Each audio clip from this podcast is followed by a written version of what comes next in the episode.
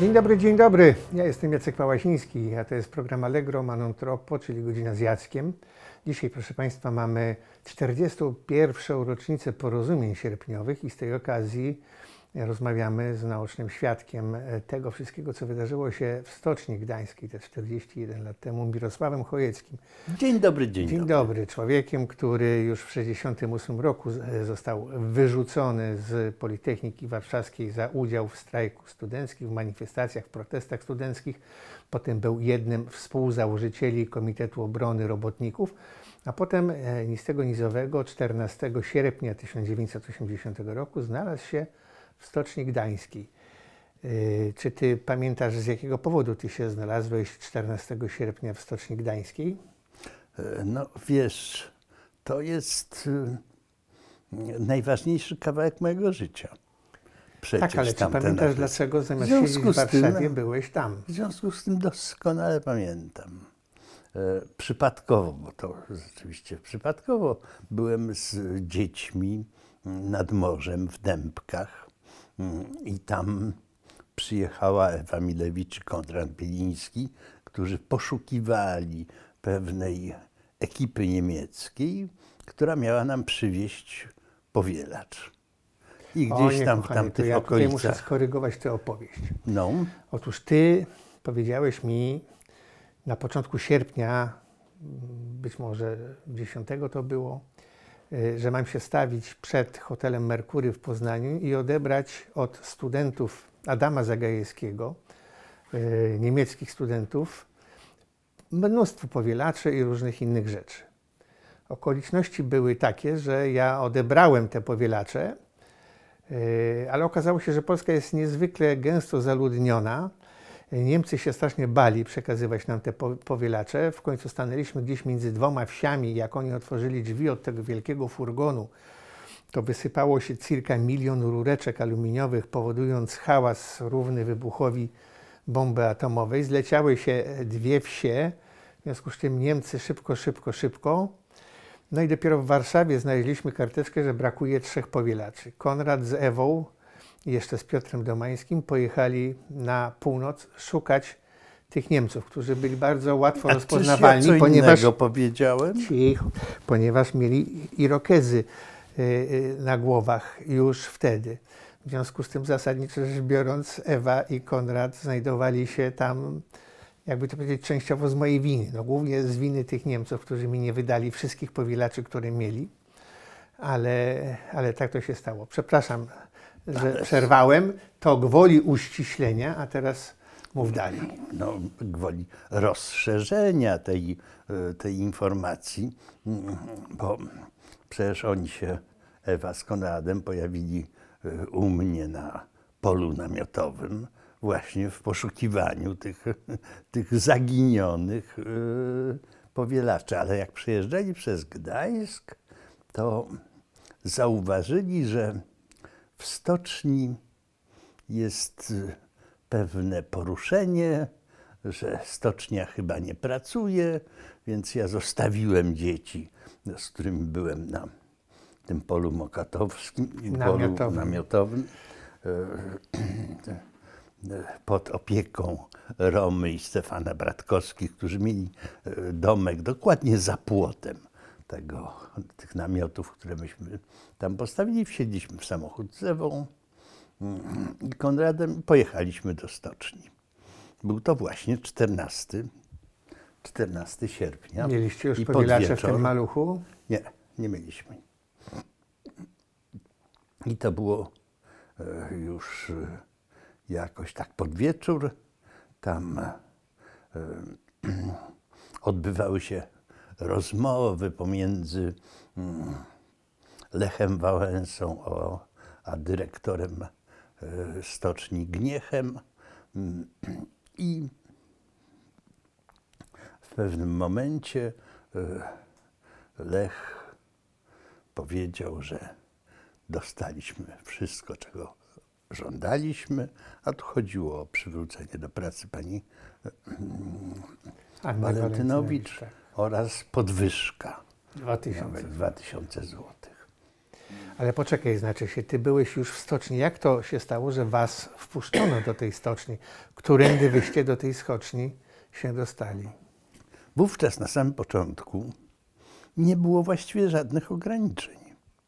Nie było tej, tej, tej policji stoczniowej, jakbyśmy to powiedzieli, która tam przy bramach sprawdzała te wejściówki, sprawdzała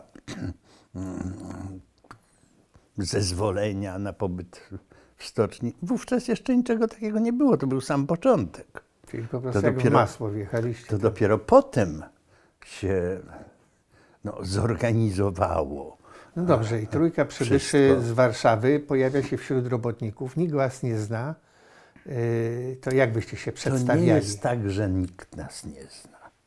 E, Proszę zwrócić uwagę, że wśród tych e, robotników była Anna Walentynowicz, Lech Wałęsa, Tak, Andrzej Gwiazda, Andrzej wtedy. Gwiazda, No tak.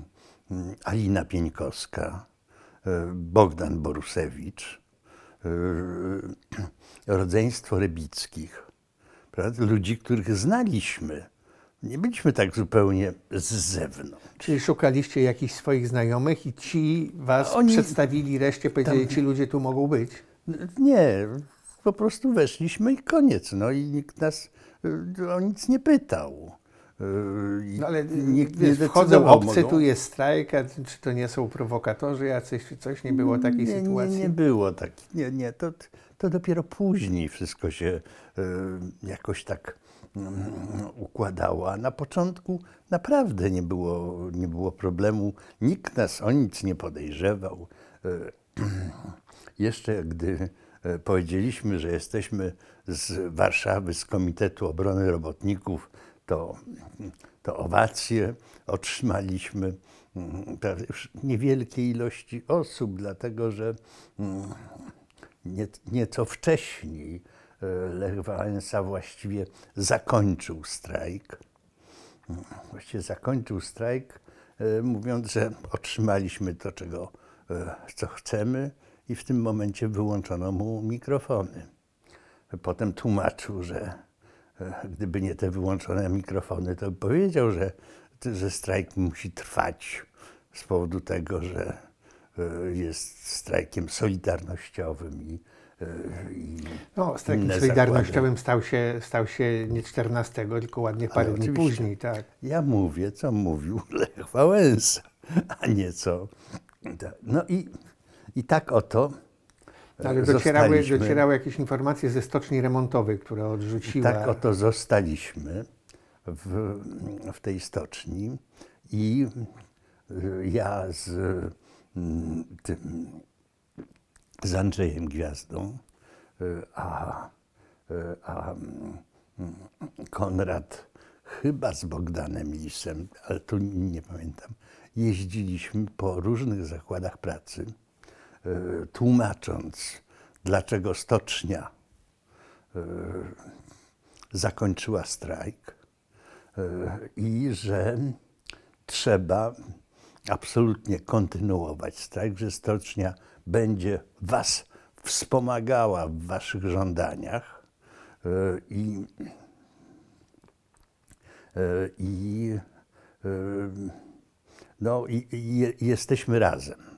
I tak zaczął powstawać Międzyzakładowy Komitet Strajkowy, który na początku liczył, nie wiem, 10, 15 zakładów. A skończyło się Prawda? na 700. Skończyło Ale się- to tylko czy ty i Konrad z towarzyszami waszymi ze stoc- stoczni jeździliście, czy było więcej takich wysłanników? E, Chyba nie było więcej To wysłanników. potem z tych zakładów To potem- przychodzili do To stoczni. potem żeby już się zrobiło odwrotnie. To nie trzeba było ich namawiać. To oni sami przychodzili, prawda? A szczególnie po tym, gdy tramwajarka, Henryka Krzywonos. tak, gdy tramwajarka Henryka Krzywonos zatrzymała tramwaj, wysiadła z tego tramwaju, przyszła do stoczni i stwierdziła, bo to ona pierwsza, stwierdziła, że e, ten e, strajk to musi być strajk solidarnościowy, z tymi wszystkimi, którzy jeszcze nie, nie, nie, nie załatwili. I przekonała wszystkich? Wiesz, nie powiem tego. No nie było mnie wtedy mm, w tej sali, mm, w sali BHP, gdzie to się odbywało. No, byłem gdzieś indziej, Rozumiem. e, kiedy to się stało.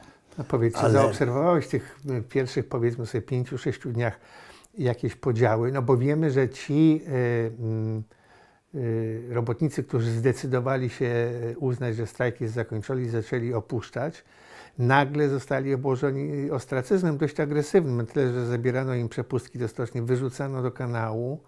Czy już wtedy się rysowały To jakieś się- dwa nie, obozy? To, był, to wszystko trwało jedną noc, jeden dzień, kiedy e, to, gdy Wałęsa powiedział, że, że ko- kończymy strajk, ludzie zaczęli wychodzić ze stoczni.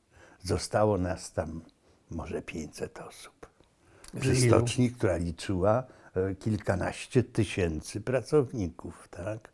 Zostało nas tam bardzo, bardzo mało ludzi Mm, i właściwie wszyscy by wyszli, gdyby nie Anna Walentynowicz, Alina Pieńkowska, Ewa Osowska, które na bramach apelowały, do, żeby nie wychodzić, żeby zostać, że strajk w dalszym ciągu trwa, że mm, jeszcześmy nie skończyli, nie poddajemy się i tak. I te trzy kobiety tak naprawdę zatrzymały strajk. Ja wtedy także po raz pierwszy, tak mi się zdarzyło, e, mówiłem do ogromnej ilości ludzi, bo podstawiono mi wózek akumulatorowy, wlazłem na ten wózek i tam coś, e, no i coś mówiłem o, o korze, o opozycji, o tym, że nie wolno się poddawać, no jakieś takie banały, Czy wtedy już powiedzieć. roz, zaczęły się na dobre te represje y, SB-ków wo, wobec nie. opozycji? Jeszcze nie. Nie, żadnych, żadnych represji. jeszcze. Dookoła, no bo w Warszawie były już jakieś Do- aresztowania, Nie, nie, e, nie. Na, na Śląsku. Te, te aresztowania zaczęły się koło 20 sierpnia. Nie na początku. Na początku czerwone było absolutnie zaskoczone tym, co się wydarzyło. I zaskoczone tym, że do tej pory,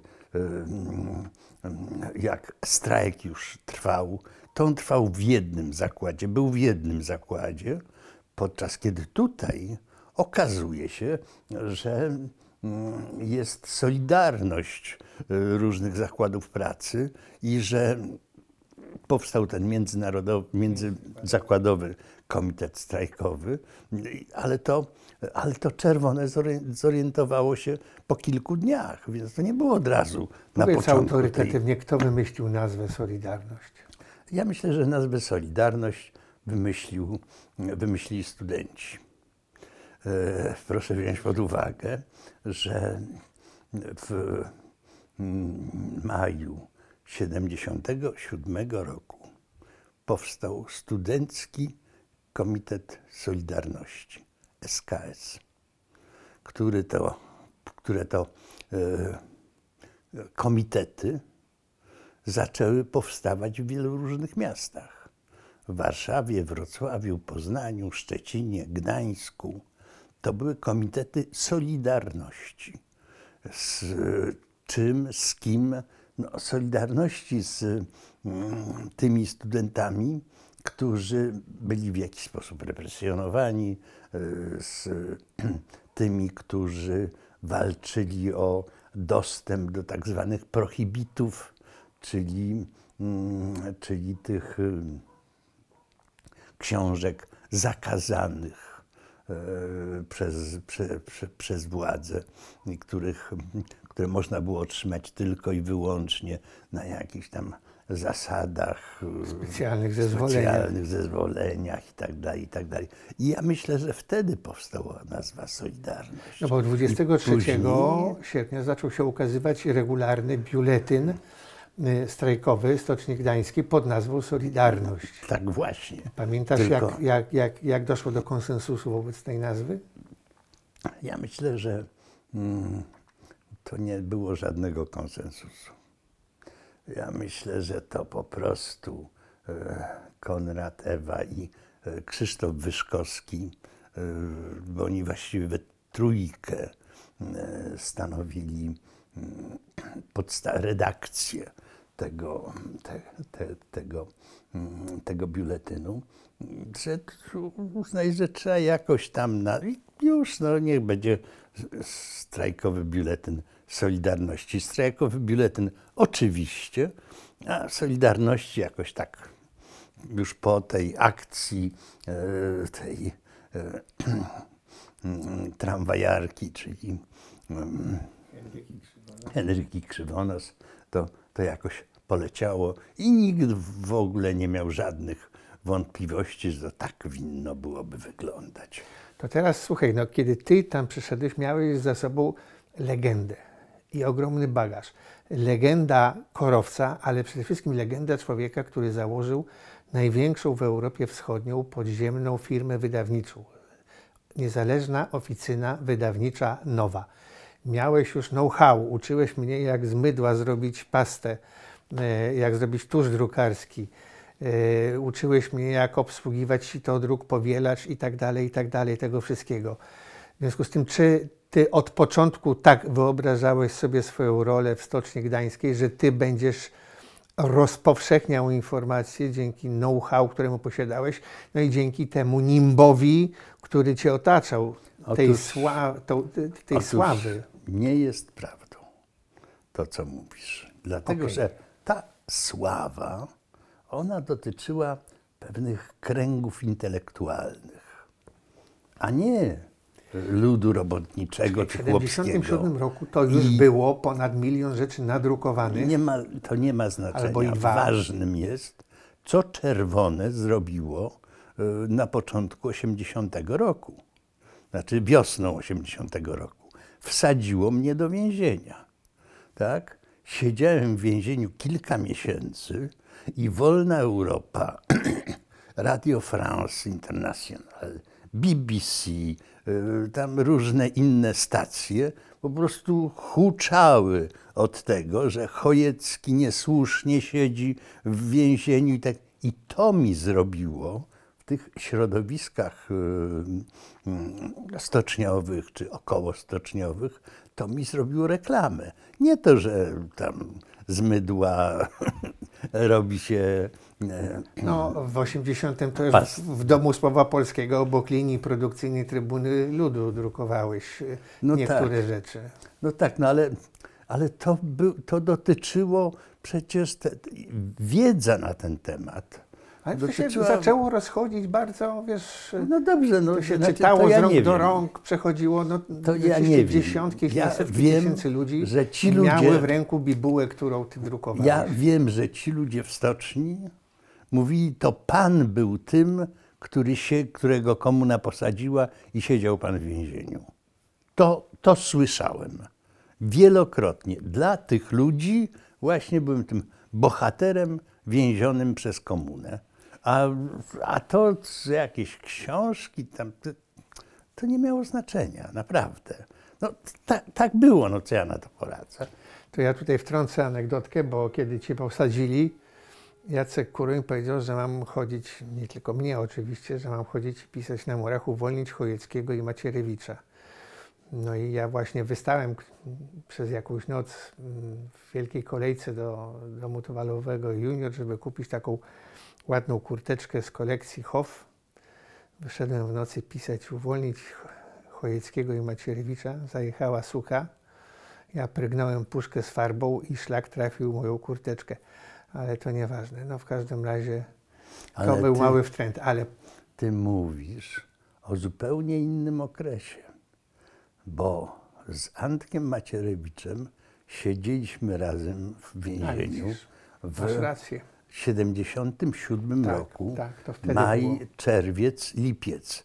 To musiało być wtedy. To musiało być bo wtedy, w oczywiście. 80 roku W 80 e, Macierewicz Ja byłem poza Warszawą, masz rację. Tak. Wracając do pytania, to czy ty właśnie e, wyobrażałeś sobie, że twoje know-how w kwestii drukowania, rozpowszechnienia informacji może być kluczowe dla tego, co się w stoczni dzieje i w okolicach w stoczni w kolejnych, kolejnych, kolejnych zakładach, które się przyłączały do Międzyzakładowego Komitetu Strajkowego? zarówno, zarówno moje know-how, jak i przecież Konrada Konrada, oczywiście. Bilińskiego, Konrad tak? Biliński był, jakby to powiedzieć, numerem drugim. No, zaprzyjaźnionym Nigdy i, nie, nie, i nie współszefem. No, nie numerowaliśmy się, no, ale jeżeli weźmiesz pod uwagę, że tandem. tam w tej stoczni był także pierwszy drukarz Rzeczpospolitej, czyli e, Zenek Pałka, prawda?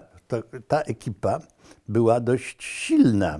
No dobrze, ale czy byście tym, mieli świadomość, jak ważne jest to, żeby drukować i rozpowszechniać informacje? Od początku powstania koru uważaliśmy, że wydawanie biuletynu informacyjnego, wydawanie komunikatu koru, to się zaczęło przecież we wrześniu 76 roku.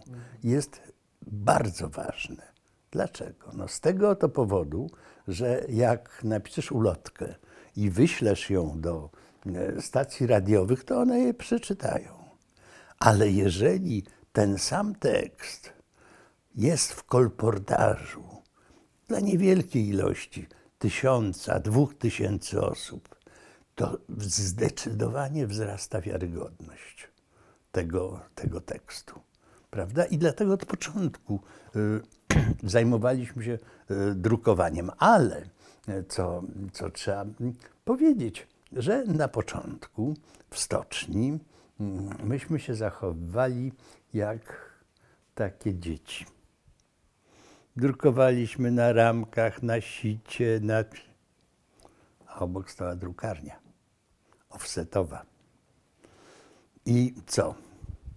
No i Andrzej Kołodziej, nie ze Stoczni Gdańskiej, tylko Gdyńskiej, wziął, rozwalił kłódkę i zaczął drukować w tej normalnej, zakładowej y, drukarni offsetowej. Następnego dnia to samo zrobiono w Gdańsku.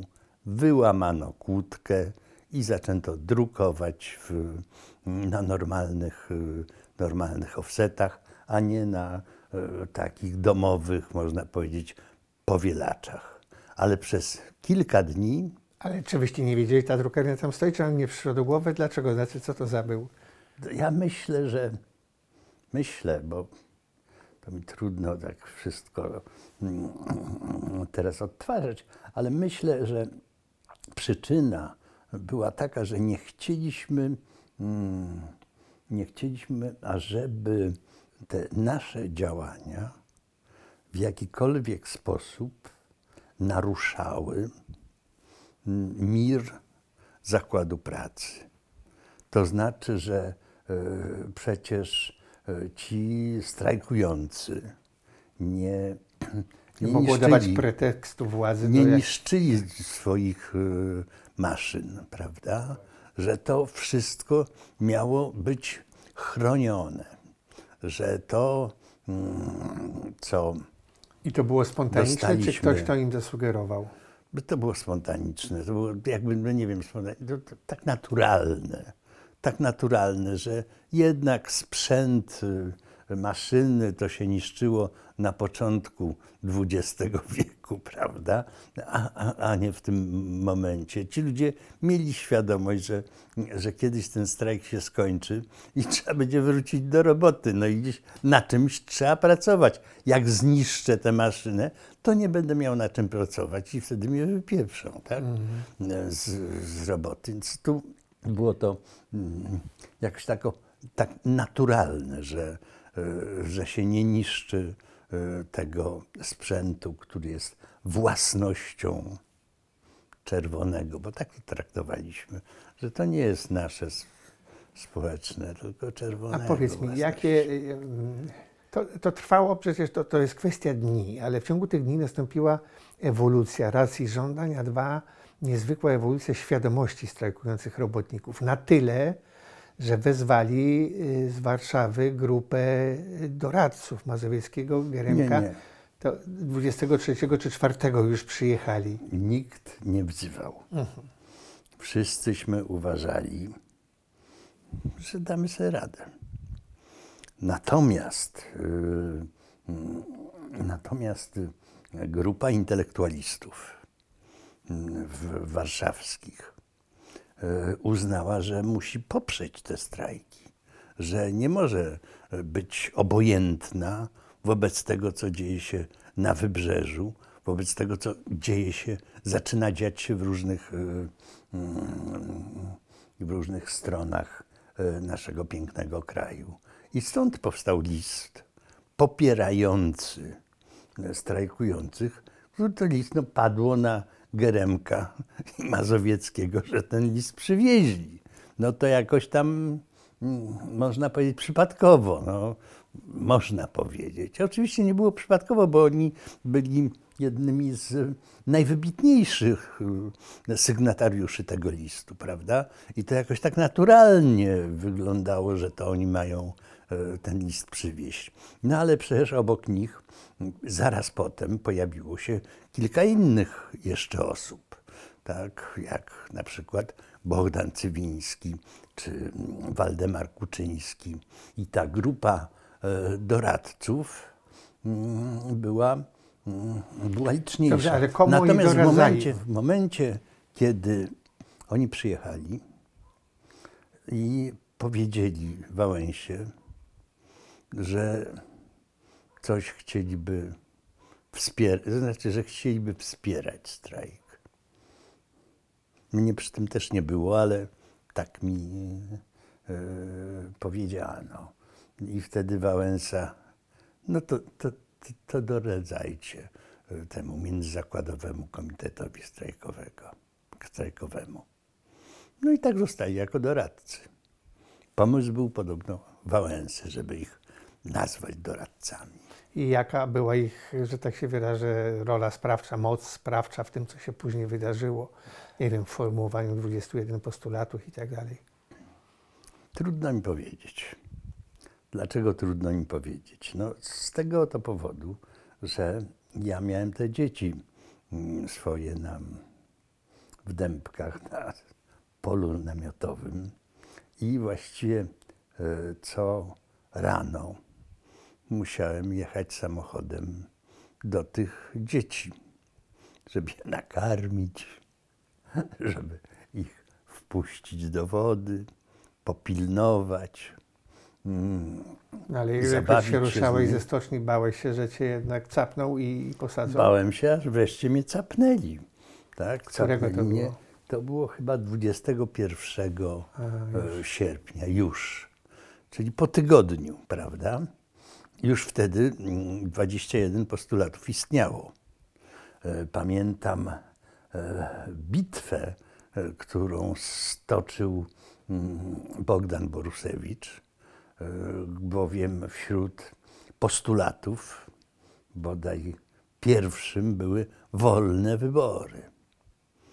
I tu Bogdan z Także nie, doradców jeszcze wtedy nie było. Nie było. Nie. E, I wtedy Bogdan uznał, że to jest postulat zdecydowanie za daleko idący, że to jest postulat, który mm, będzie. Kazus belli dla, dla, dla komunisty i Związku, Związku tak, tak. Sowieckiego, tak. prawda? Że Związek Sowiecki na to nie, nie pozwoli i że, że nie można takiego postulatu mm, forsować.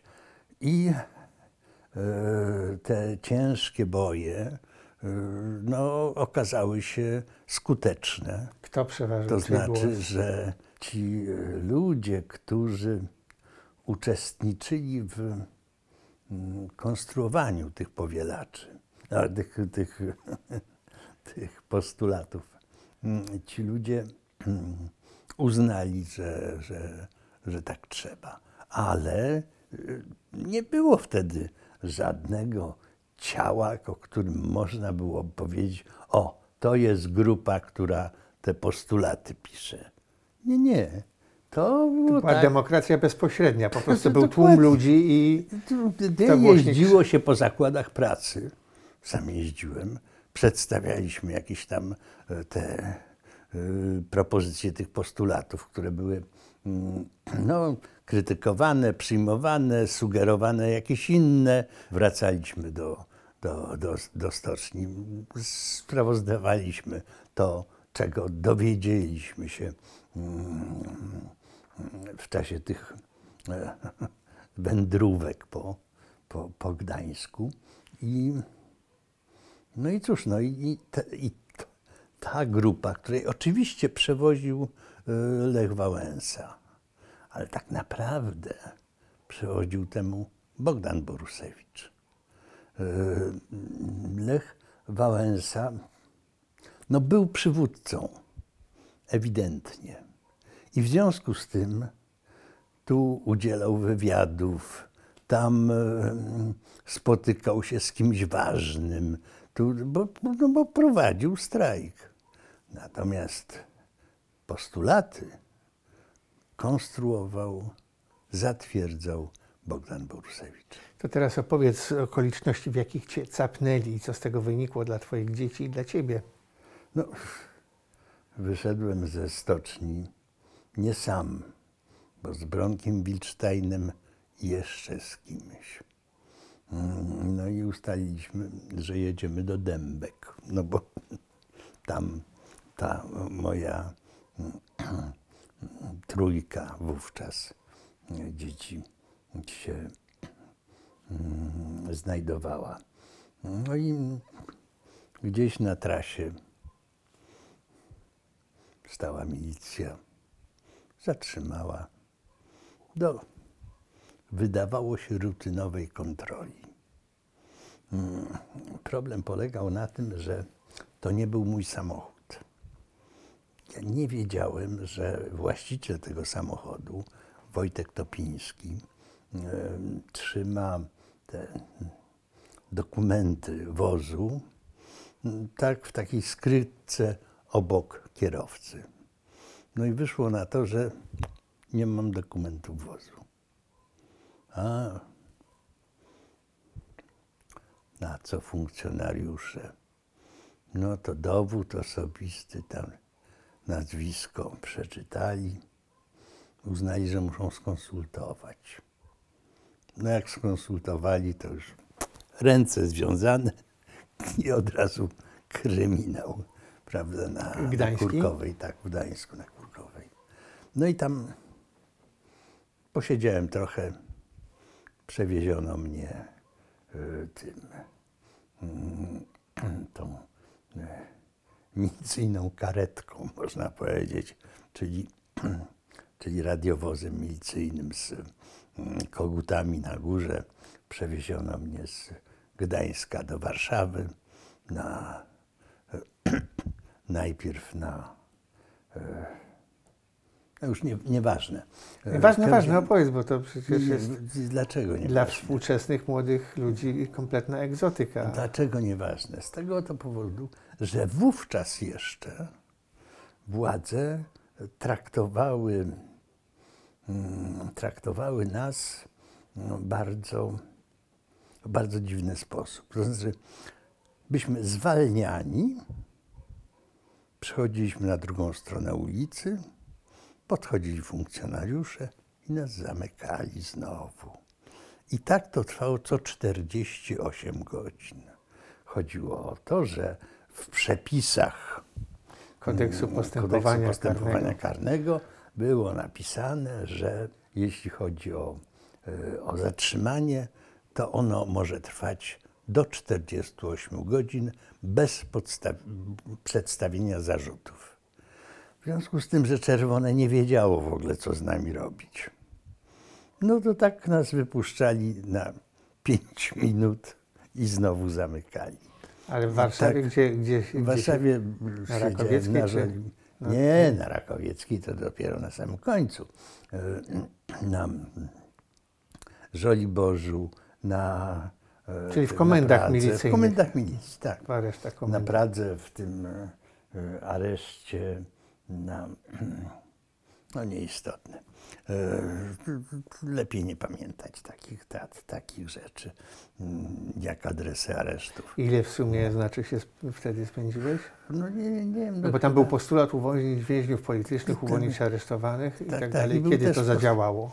Po kilku dniach czerwone przestało się z nami bawić w ten sposób. I mm, zawieziono nas, znaczy każdego z osobna, nie to, że kupą, tak żebyśmy nie mieli A ilu was było kontaktów. aresztowanych? Z nie pamiętam, ale, liczba, ale z, tak z wielkości. 10 osób. Z 10, nie tam, żeby jakoś specjalnie y, dużo, nie, nie, niewiele osób. I kiedy mnie przywieźli na Rakowiecką, to taki ten y, y, profos, jak to się mówi, funkcjonariusz, klawisz, tam. no tak, panie a teraz to na długo? Bo to był już któryś z kolei pobyt na, na tej, na, na Rakowieckiej i zwykle to było tam dwa, trzy miesiące, tydzień. No, a on ciągle pracował w tym, przy tym okienku, gdzie odbierał wartościowe rzeczy. Prawda? Więc dlatego stale, e, stale miał ze mną, ze mną kontakt. No i tutaj się okazało, że no znowu niedługo, bo to trwało, nie wiem, trzy dni, cztery dni. Porozumienia zostały podpisane, więźniowie polityczni zwolnieni. Wypuszczeni, koniec. Już nikt za wami nie łaził, już Ja myślę, e, znaczy nie, no, no wiem, że nikt za nami nie łaził. Wtedy oni mieli znacznie poważniejsze problemy. Mieli jednak ten międzynarodowy, międzyzakładowy e, komitet strajkowy, który przekształcił się w międzyzakładowe mm, te komisje e, e, Solidarności, że tam ich to wszystko interesowało, a nie taki Kazio jak, jak ja, który tam jakąś książeczkę wydrukuje od czasu do czasu. Więc, ym, więc tym się. Ale za tobą, za tobą y, milicja, SB chodziło właściwie od samego początku, od, przynajmniej od czerwca 76, od początku koru, od, za, od zajść. Czy No potem tak, miewałeś najpierw- jakieś wolne, że tak się wyrażę, chwile, czy ciągle miałeś świadomość, że za tobą idą jacyś ludzie w kulteczce z napisem Parmalat, bo kiedyś ubekom sprowadzono parę tysięcy i można ich było poznać Tak. po prostu z daleka, pamiętasz? Dokładnie, dokładnie. E, Otóż to nie było tak, że oni, mm, że oni codziennie, że oni zawsze. E, Teraz, gdy przeglądam swoje dokumenty wytworzone przez służby bezpieczeństwa znajdujące się w Instytucie Pamięci Narodowej, e, tego już dostałem około 20 tysięcy stron. E, To nie znaczy, że one wszystko mnie, wszystkie mnie dotyczyły. To dostałem tylko te dokumenty, gdzie jest moje nazwisko. Jak jest proces na przykład, nie wiem, Jacka Kuronia i gdzieś tam pada moje nazwisko, no to całe 50-80 stron dostaję. Więc dostawałem, dostałem te strony i widać wyraźnie, że są takie dni, kiedy oni robią inwigilację. I są takie dni, kiedy odpuszczają. Ja miałem o tyle dobrze, że e, pewnego razu zapukał do drzwi mojego mieszkania pewien pan, który wyprosił mnie na klatkę schodową i mówi, mm, proszę pana, ja pana nazwisko w wolnej Europie usłyszałem łącznie z adresem, dlatego tutaj trafiam. Wie pan, e, żona mi zmarła kilka miesięcy temu, mam dwa pokoje, chcą mi zabrać. Ale stawiają warunek, że jak e, przyjmę mm, do tego jednego pokoju funkcjonariuszy, którzy będą, podejrzewam, że pana będą obserwowali, to czy to co, co ja mam zrobić? No, mam się zgodzić na to, mam się nie zgodzić, to mi zabiorą to mieszkanie. No, co, co pan radzi? Oczywiście się zgodzić. Oczywiście się zgodzić. I jak będą siedzieli i obserwowali, to pan kwiatek po lewej stronie w kuchni. A jak ich nie będzie, to kwiatek po prawej stronie. W związku z tym wychodząc rano z domu z psem albo i bez psa, rzucałem okiem na to okno i wiedziałem już, czy są, czy nie są, czy ich nie ma. Zresztą to nie było wcale takie trudne, żeby stwierdzić, że oni są, bo oni na tej naszej małej uliczce Sarbieskiego parkowali samochód, wtedy to było łatwiej parkować, nie tak jak teraz. Parkowali samochód, siedziało w środku czterech panów, paliło i no i ten, ten, ten samochód, te szyby były zaparowane. No, no, no jak widzisz, widzisz samochód z czterema facetami, no to wiadomo o co cień podejrzenia możecie najść. Tak. No właśnie. To teraz wracając do tego 31 sierpnia 1980 roku, ty siedzisz jeszcze w, celi na Rakowieckiej i jak do ciebie dotarła wiadomość, że podpisano porozumienia sierpniowe? Nie, Nie dotarła. dotarła. Nie dotarła. Natomiast zaprosił mnie taki funkcjonariusz, a wiemy, że to była niedziela. I oni zwykle w niedzielę mieli wolne. No chyba, że te krawężniki, które za nami biegały, prawda? Ale ci wszyscy tam kapitanowie, tam wyżsi tacy mieli wolne i zostałem zaproszony na, e, e, na to ostatnie piętro mm, pawilonu 11 e, i funkcjonariusz mówi mi, że jestem zwolniony. Już wolny, prawda, i, ale ma nadzieję, że mm, nie zerwiemy kontaktów. prawda. Tak, no i ja powiedziałem, znaczy zapytałem, a na jakiej zasadzie mnie zwalniacie? Przecież mam sankcję prokuratorską, tak? Powinienem oczekiwać rozprawy. Na jakiej zasadzie? Bo w Gdańsku władze dogadały się ze strajkującymi i więźniowie polityczni y, mają Użył sformułowania więźniowie polityczni? Tak. Wow. e, mają być zwolnieni. I mm, wie pan, i o jedną rzecz tylko będzie, będę prosił. E, Wie pan, tu jest telefon. Niech pan zadzwoni do Gdańska, zaraz panu podam te, numer telefonu i powie, że pan jest na wolności. Ale ty jeszcze siedzisz za Ja murami. przecież, panie, ja przecież siedzę w kiblu, no co mi pan tutaj, takie, że nie ma, nie ma siły, nie będę dzwonił.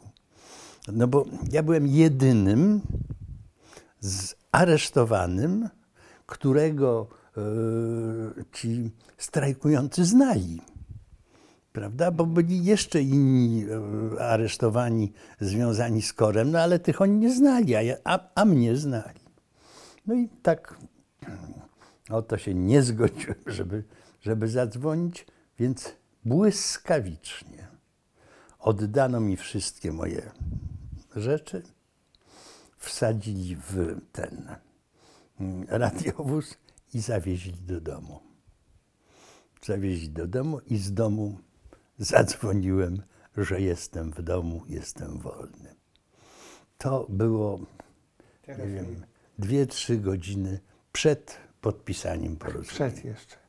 To teraz mi opisz swoje uczucia, swoje myśli, swoje nadzieje e, w momencie, w którym usłyszałeś, że podpisano porozumienie sierpniowe.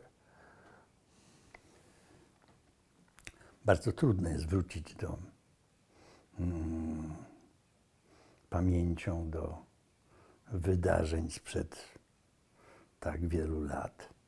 Mm, ale mm, to, co było chyba najistotniejsze, e, to takie mm, przekonanie o satysfakcji, że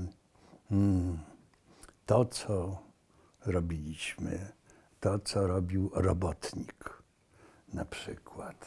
Podziemna Ta karta gazetka o praw. takim tytule. Karta Praw Pracowniczych, e, pod którą zbierano i zebrano kilkanaście tysięcy podpisów, że, że to wszystko jakoś zagrało. No i że ja teraz, mm, jak już jest tak ogromna organizacja, choć wtedy jeszcze nie było wiadomo, ile to milionów, no, ale w porównaniu z Korem to ogromna organizacja, mm,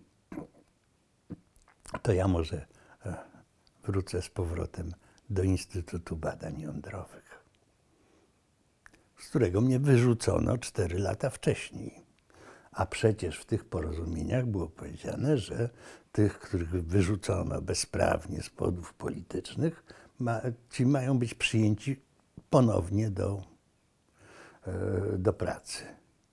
I tak oto em, zostałem pracownikiem ponownie To znaczy- Instytutu Badań Jądrowych. Kiedy usłyszałeś, że podpisano porozumienie, y, miałeś, jeśli dobrze reasumuję to, co powiedziałeś, poczucie dobrze spełnionego obowiązku, a co za tym idzie jakiegoś sukcesu, satysfakcji ogromnej.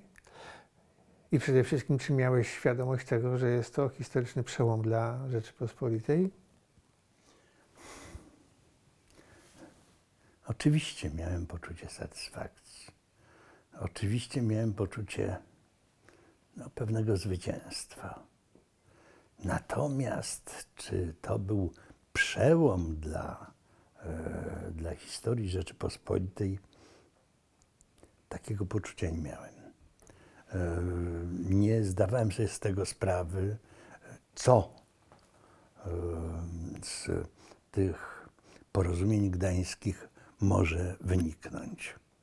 Mm, Mówimy o samym pierwszym, pierwszym No tak, zaufanie do odruchu, Czerwonego prawda? było mocno ograniczone. I Poza tym nie wiadomo, jaka będzie reakcja Moskwy, nie wiadomo, jakie będą reakcje innych krajów socjalistycznych i generalnie co z tego wszystkiego wyniknie. Wtedy jeszcze nikt nie był na tyle mądry, żeby to przewidzieć, żeby taką jakąś racjonalną prognozę zrobić. miałem e, e, świadomość spełnienia, e, świadomość e, mm, satysfakcji zwycięstwa, ale e, mm, nie wydawało mi się, e, iż e, to podpisanie porozumień mm, Będzie będzie prowadziło do zmiany ustroju? jakieś istotne e, zmiany w, w, w Polsce. Choć trzeba wziąć pod uwagę, że tam tych punktów było mnóstwo.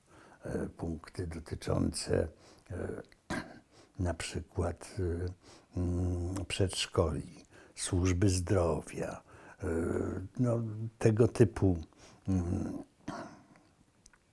tego typu punkty mogły zdecydowanie zmienić, zmienić mm, sposób życia, sposób funkcjonowania e, obywateli Rzeczypospolitej. No, tylko, że gdy, to może już nie na temat, po latach zacząłem prze, prze, te, mm, te punkty porozumień analizować, no to właściwie poza pierwszym, że powołamy związki i poza czwartym, że zwolnimy więźniów politycznych, żaden z tych punktów nie został zrealizowany. Znamy się prawie 50 lat, a właściwie nigdy nie rozmawialiśmy na temat tego, jak ty sobie wtedy wyobrażałeś idealną Polskę. To znaczy, jaki, czy miałeś y, w miarę jasno sformułowaną wizję kraju, takiego jakbyś chciał, żeby był? Wiesz, moi nauczyciele w szkole podstawowej czy w szkole średniej to byli jeszcze przedwojenni nauczyciele. E, e, Miałem dziadka, który, mm, który walczył w legionach. mm, a jego brat przyrodni zginął w Katyniu. Miałem rodziców, mm, którzy oboje e, byli w mm, kierownictwie dywersji Armii Krajowej. Przypominamy, że twoja mama, słynna, słynna Kama, brała udział w zamachu na Kuczerę. No to bohaterka narodowa, można powiedzieć. No, to, to jedna, po pierwsze nie zamachu, tylko akcji bojowej e, Kuczera. I to nie był jedyny, no, to był taki najbardziej znany e, przypadek, ale mama brała udział w wielu e, innych także akcjach bojowych. No więc jak się ma takie, takie, takie podwaliny, tak, mm, no to rzecz jasna, e, ma się jakieś pomysły na to, jak ta e, Polska e, winna byłaby wyglądać. Nigdy, nigdy nie, nie, nie, nie, nie myślałem o tym, żeby wyemigrować, żeby wyjechać stąd. Zawsze wydawało mi się, że e, trzeba starać się mm, zmieniać ten system, że, że, że przy odpowiedniej presji społecznej system się zmienia, że można nań wpływać. E, no a jak mi się wydaje, jak, jak wyglądać miała e, Rzeczpospolita e, niepodległa? No w miarę tak jak no, normalne kraje. No, trzeba wziąć pod uwagę, że że jednak Gierek mm, w pewnym stopniu otworzył świat zachodni, że w programach e, telewizyjnych można było oglądać filmy amerykańskie, brytyjskie, francuskie, które pokazywały, jak funkcjonuje wolny świat Także to nie trzeba było jakoś tak specjalnie myśleć, nie trzeba było odwoływać się do, mm, do, do, do, do systemu przedwojennego, bo, bo w, telewizorze pokazywano, jak może być normalnie. Tak? No więc ja myślę, że, mm, że też tak jakoś myślałem, że, że to będzie normalnie na wzór, e, nie wiem, francuski, e, brytyjski, amerykański. Myślałeś, ale... że będzie normalnie, a czy jest normalnie teraz? Tak jak myślałeś wtedy? Ja myślę sobie, że teraz jest bardzo normalnie. Że jak e, porównuję, zajmuję się robiąc te filmy, zajmuje się historią. Właśnie, bo przypomnę widzom, że obecnie Mirosław Chojecki jest e, szefem firmy powołanej podczas jego emigracyjnych lat w Paryżu, czyli Kontaktu, które kiedyś wydawało pismo o tym samym tytule, a w tej chwili zajmuje się produkcją filmów głównie dokumentalnych e, właśnie dla firmy Kontakt, nadawanej potem przez różne telewizje krajowe i zagraniczne i tak dalej. Przepraszam, że ci przerwałem. Czyli jak robisz teraz te filmy? E, to i porównuję sobie, e, jak wyglądała Polska przed 1939 rokiem. Jakie tam były no, konflikty, jakie mm, odbywały się awantury w Sejmie jakie awantury w Senacie, to ja myślę sobie, daleko nie odjechaliśmy. Mamy dziś mniej więcej to samo. Mamy dwa, yy, dwa plemiona, Hutu i Tutsi, i oni się rżną, a obywatel na to patrzy i coraz bardziej myślę sobie, normalny obywatel coraz bardziej ma to w dupie. Jak już wspomniałem, znamy się prawie 50 lat i nigdy nie słyszałem, żebyś ty o kimś mówił y, źle, nawet o ludziach, którzy cię skrzywdzili. To bardzo specyficzne podejście. Po pierwsze, z czego ono wynika, a po drugie, czy to nie jest y, w jakimś sensie y, zafałszowywanie historii. Po pierwsze, jesteśmy teraźniejszością, a nie historią. Tak? No, To się wszystko dzieje nie teraz. To ładnie brzmi, ale to chyba nie do końca prawda. Teraz, to wszystko się dzieje teraz. Ponadto, wiesz, em, jest tak, że ja mam przyjaciół i po jednej, i po drugiej stronie. I tu, i hutu. Tak. Czy jesteś symetrystą? Co znaczy symetrysta? Panu Bogu świeczkę i diabłu ogarek. Nie. Być jak najdalej od tego. Rozumiesz, to, to, to, nie, nie jest tak, żeby angażować się po tej stronie i jednocześnie po drugiej. Nie, nie. Nie angażować się po żadnej. Nie angażować się po Ale gdybyś żadnej. miał takie podejście za komuny, to by prawdopodobnie nie było porozumień sierpniowych. No. Wtedy miałeś dość sprecyzowane poglądy i swoją wizję swojej roli politycznej Tak, tak. i, i nie tylko politycznej, społecznej, tak to nazwijmy. Ale wówczas istniała, mm, e, istniała komunistyczna władza, która, e, która była czymś obcym dla społeczeństwa polskiego. Była czymś narzuconym Polakom.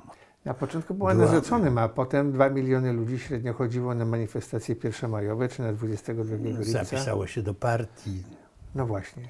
No dobrze, no No to już nie była taka opcja 10% Przepraszam, obca. Nawet jeżeli 3 miliony członków partii liczyła Polska Zjednoczona, e, Partia Robotnicza, to to i także zaledwie część.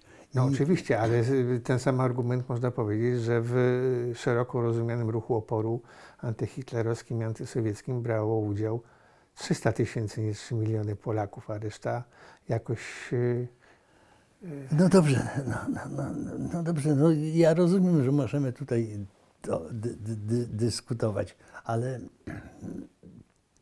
ale nie ma co ukrywać, że tamten system był systemem narzuconym, że część y, konformistów y, uważała, że się tego nie da zmienić, że to tak już musi być, prawda? I, mm,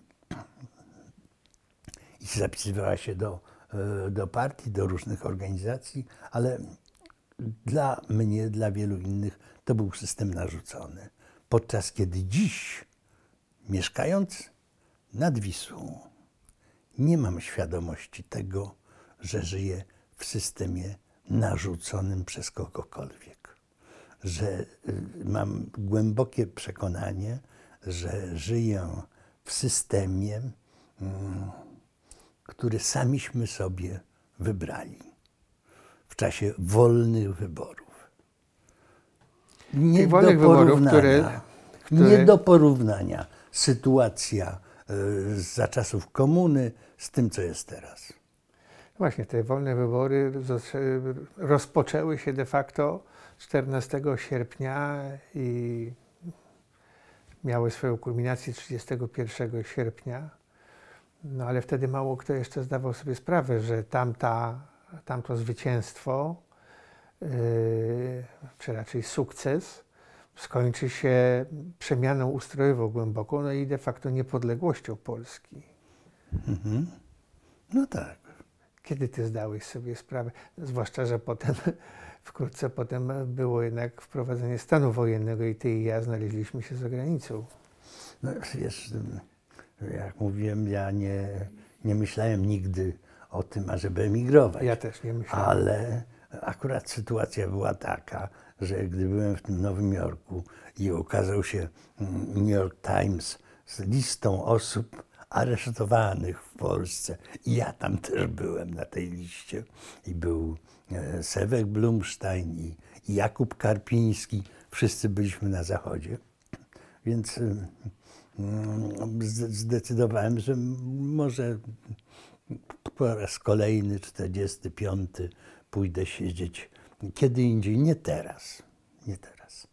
I mm, nie uczestniczyłem e, w tym wszystkim, co działo się w Polsce w okresie stanu wojennego.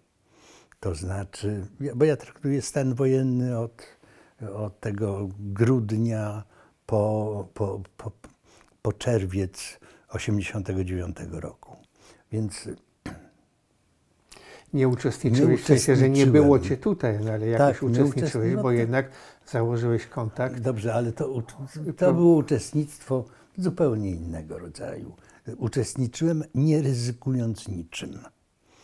W przeciwieństwie do tego, co ci ludzie, którzy tutaj, yy, nie wiem, zakładali yy, te yy, organizacje, wydawali prasę, wydawali książki. No, robili radio. Oni, oni ryzykowali. Ja nie ryzykowałem niczym. I to jest naprawdę istotna różnica, yy, której nie, no, nie ryzykowałeś, nie wiem, no, osobistym dobrobytem, yy, osobistym nieszczęściem z powodu oddalenia. Nie, nie, nie. W porównaniu z tym, czym ryzykowano tutaj, nie ryzykowałem niczym. I tego się będziemy trzymać. Trzymajmy się tego. W takim razie muszę na zakończenie zadać Ci moje rytualne pytanie. Mm, jaka przyszłość czeka Polskę w perspektywie, nie wiem, stosunkowo bliskiej? Czy będzie dobrze, czy będzie źle? Czy coś nam zagraża, czy nic nam nie zagraża?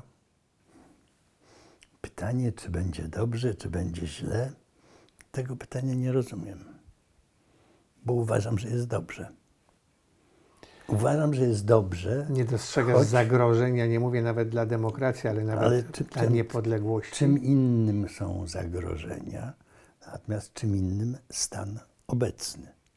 Uważam, no to ja Cię dobrze. pytam o przyszłość. Proszę natomiast Cię o to, żebyś wziął o... kulę i natomiast... swoją wizję przyszłości przedstawił. Natomiast jeśli chodzi o mm, e, przyszłość, to myślę sobie, że mm, zarówno uczestnictwo w NATO, jak i uczestnictwo w Unii Europejskiej, która nam od czasu do czasu podstawia nogę. Matko Boska. Ale, ale Unia Europejska to nie jest ciało obce, Unia Europejska to my, że tak się wyrażę, sami sobie podstawiamy. Dobrze, czy... to, to, to ci urzędnicy, a możesz wymienić nazwisko jakiegoś urzędnika? Urzędnicy Unii Europejskiej w e, Brukseli czasami podstawiają nam nogę. Pies ich trącał. E, Urzędnicy w Unii Europejskiej są e, niewiarygodnie kontrolowani i e, podlegają prawu zaakceptowanemu przez wszystkie kraje Unii Dobrze, Europejskiej i, i nie co? robią nic, co poza to prawo I to, i e, to, wykracza i, to, i robią jedna, wyłącznie rzeczy, które z tego jedna, prawa wynikają. Że jedna, I to, że jedna pani sędzia bez porozumienia z całym zespołem jest w stanie Yy, nie ma takiej sytuacji. Jakby nie, była. Nie, nie, niemożliwe to jest po prostu. Dobrze, nie kłóćmy się, bo po co się kłócić?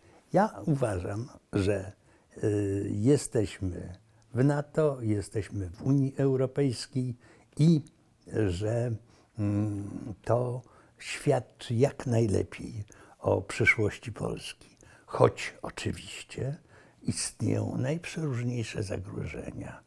Zagrożenia ze strony y, Rosji, y, Białorusi, naszych najbliższych sąsiadów, zagrożenia z mm, południa świata, to znaczy zagrożenia ze strony e, islamu, który widać e, jak mocno e, funkcjonuje we Francji, która przyjęła wielu mm, wyznawców islamu. Tak, ale zdaję sobie sprawę, że problem. Muzułmanie francuscy najbardziej nienawidzą na świecie islamistów.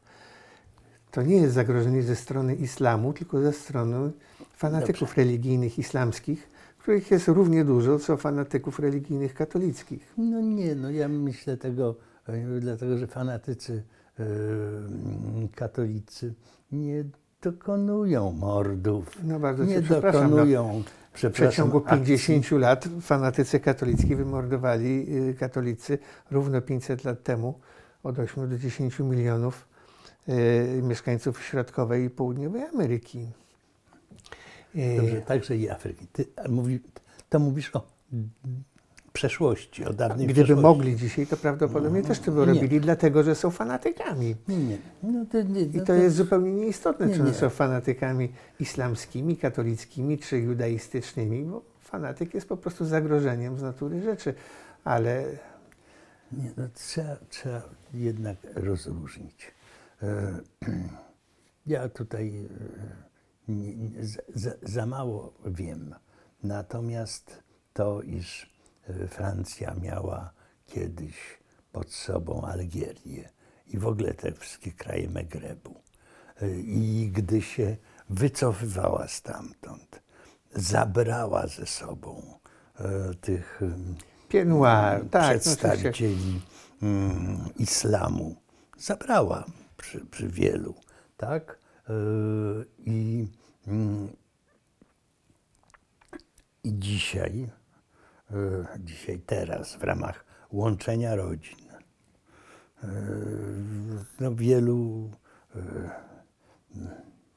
ludzi, No którzy mamy mają nic około 7 wspólnego. milionów muzułmanów na około 60, tam 60, nieco No więc ponad właśnie. 60 milionów.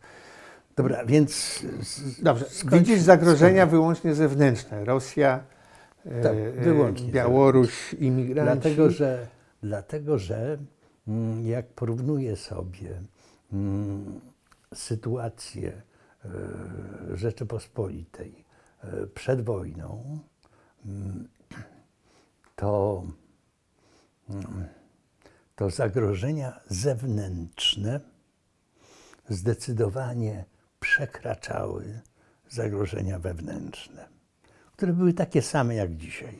No, takie same. Nieco większe, bo Tak tam samo. było sporo mniejszości narodowych. No dobrze, no ale tak samo się e, kłócili, tak samo byli skakali sobie do gardeł, jak i e, dzisiaj to robią. No dobrze, ale czy nie masz było... wrażenia, że w szerszym kon- kontekście historycznym to myśmy sami ściągali na nasz naród nieszczęścia znacznie bardziej niż siły zewnętrzne, które też oczywiście swoje nam dołożyły. No dobrze, no ale już nie cofajmy się tak daleko. No ja wiem, No. Targowica, no wiem, no już rozbiory, no, No to, właśnie. to już, to możemy, tu, tu Ale możemy wcześniej, tak. oczywiście e, się licytować w tej sprawie. Natomiast, natomiast przeszłość mm, nie, mm, przeszłość nie, Nie determinuje teraźniejszości.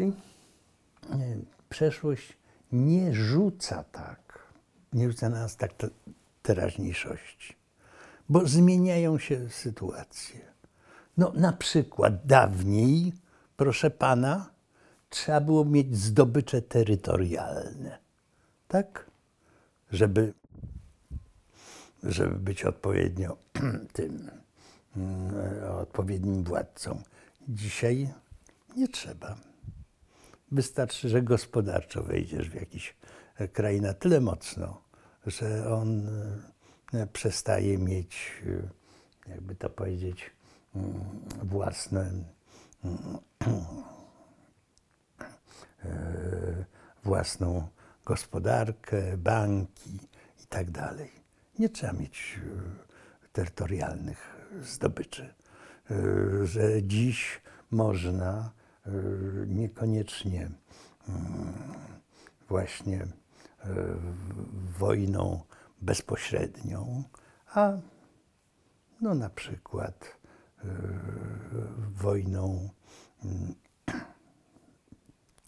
internetową z, mm, zniszczyć sporą część funkcjonowania państwa. To są rzeczy z poprzednich, mi czasy z poprzednimi laty kompletnie nieporównywalne. To są nowe yy, te zagrożenia. I tych nowych zagrożeń musimy się bać. A te nowe zagrożenia, no to wiesz, ze strony Rosji, yy, Białorusi, pewno niedługo Chin, no i z, ze strony krajów muzułmańskich yy, są bardzo, bardzo realne. Dziękuję bardzo. Proszę Państwa, dziękuję za uwagę. Naszym gościem, gościem programu Allegro Manantropo był Mirosław Chojecki, świadek bezpośredni wydarzeń w Stoczni Gdańskiej sprzed 41 lat. Człowiek niezwykle zasłużony dla polskiej wolności, dla polskiej demokracji i dla polskiej kultury, ponieważ to e, z jego e, inicjatywy w czasach komunizmu, kiedy wszystko było kontrolowane łącznie z maszynami do pisania, wydano podziemnie około 2 milionów egzemplarzy różnego rodzaju czy to biuletynów, czy nawet arcydzieł światowej literatury. Dziękuję, zapraszam na kolejne odcinki Allegro Mantropo. Do widzenia, dziękuję bardzo. Miło. To ja bardzo serdecznie dziękuję. Naprawdę Ci dziękuję, bo to znamy się tyle lat, a przecież nigdy tak poważnie nie rozmawialiśmy. Kamery y, y, wymogły na nas tę powagę, ale już się wyłączamy. Dziękuję bardzo.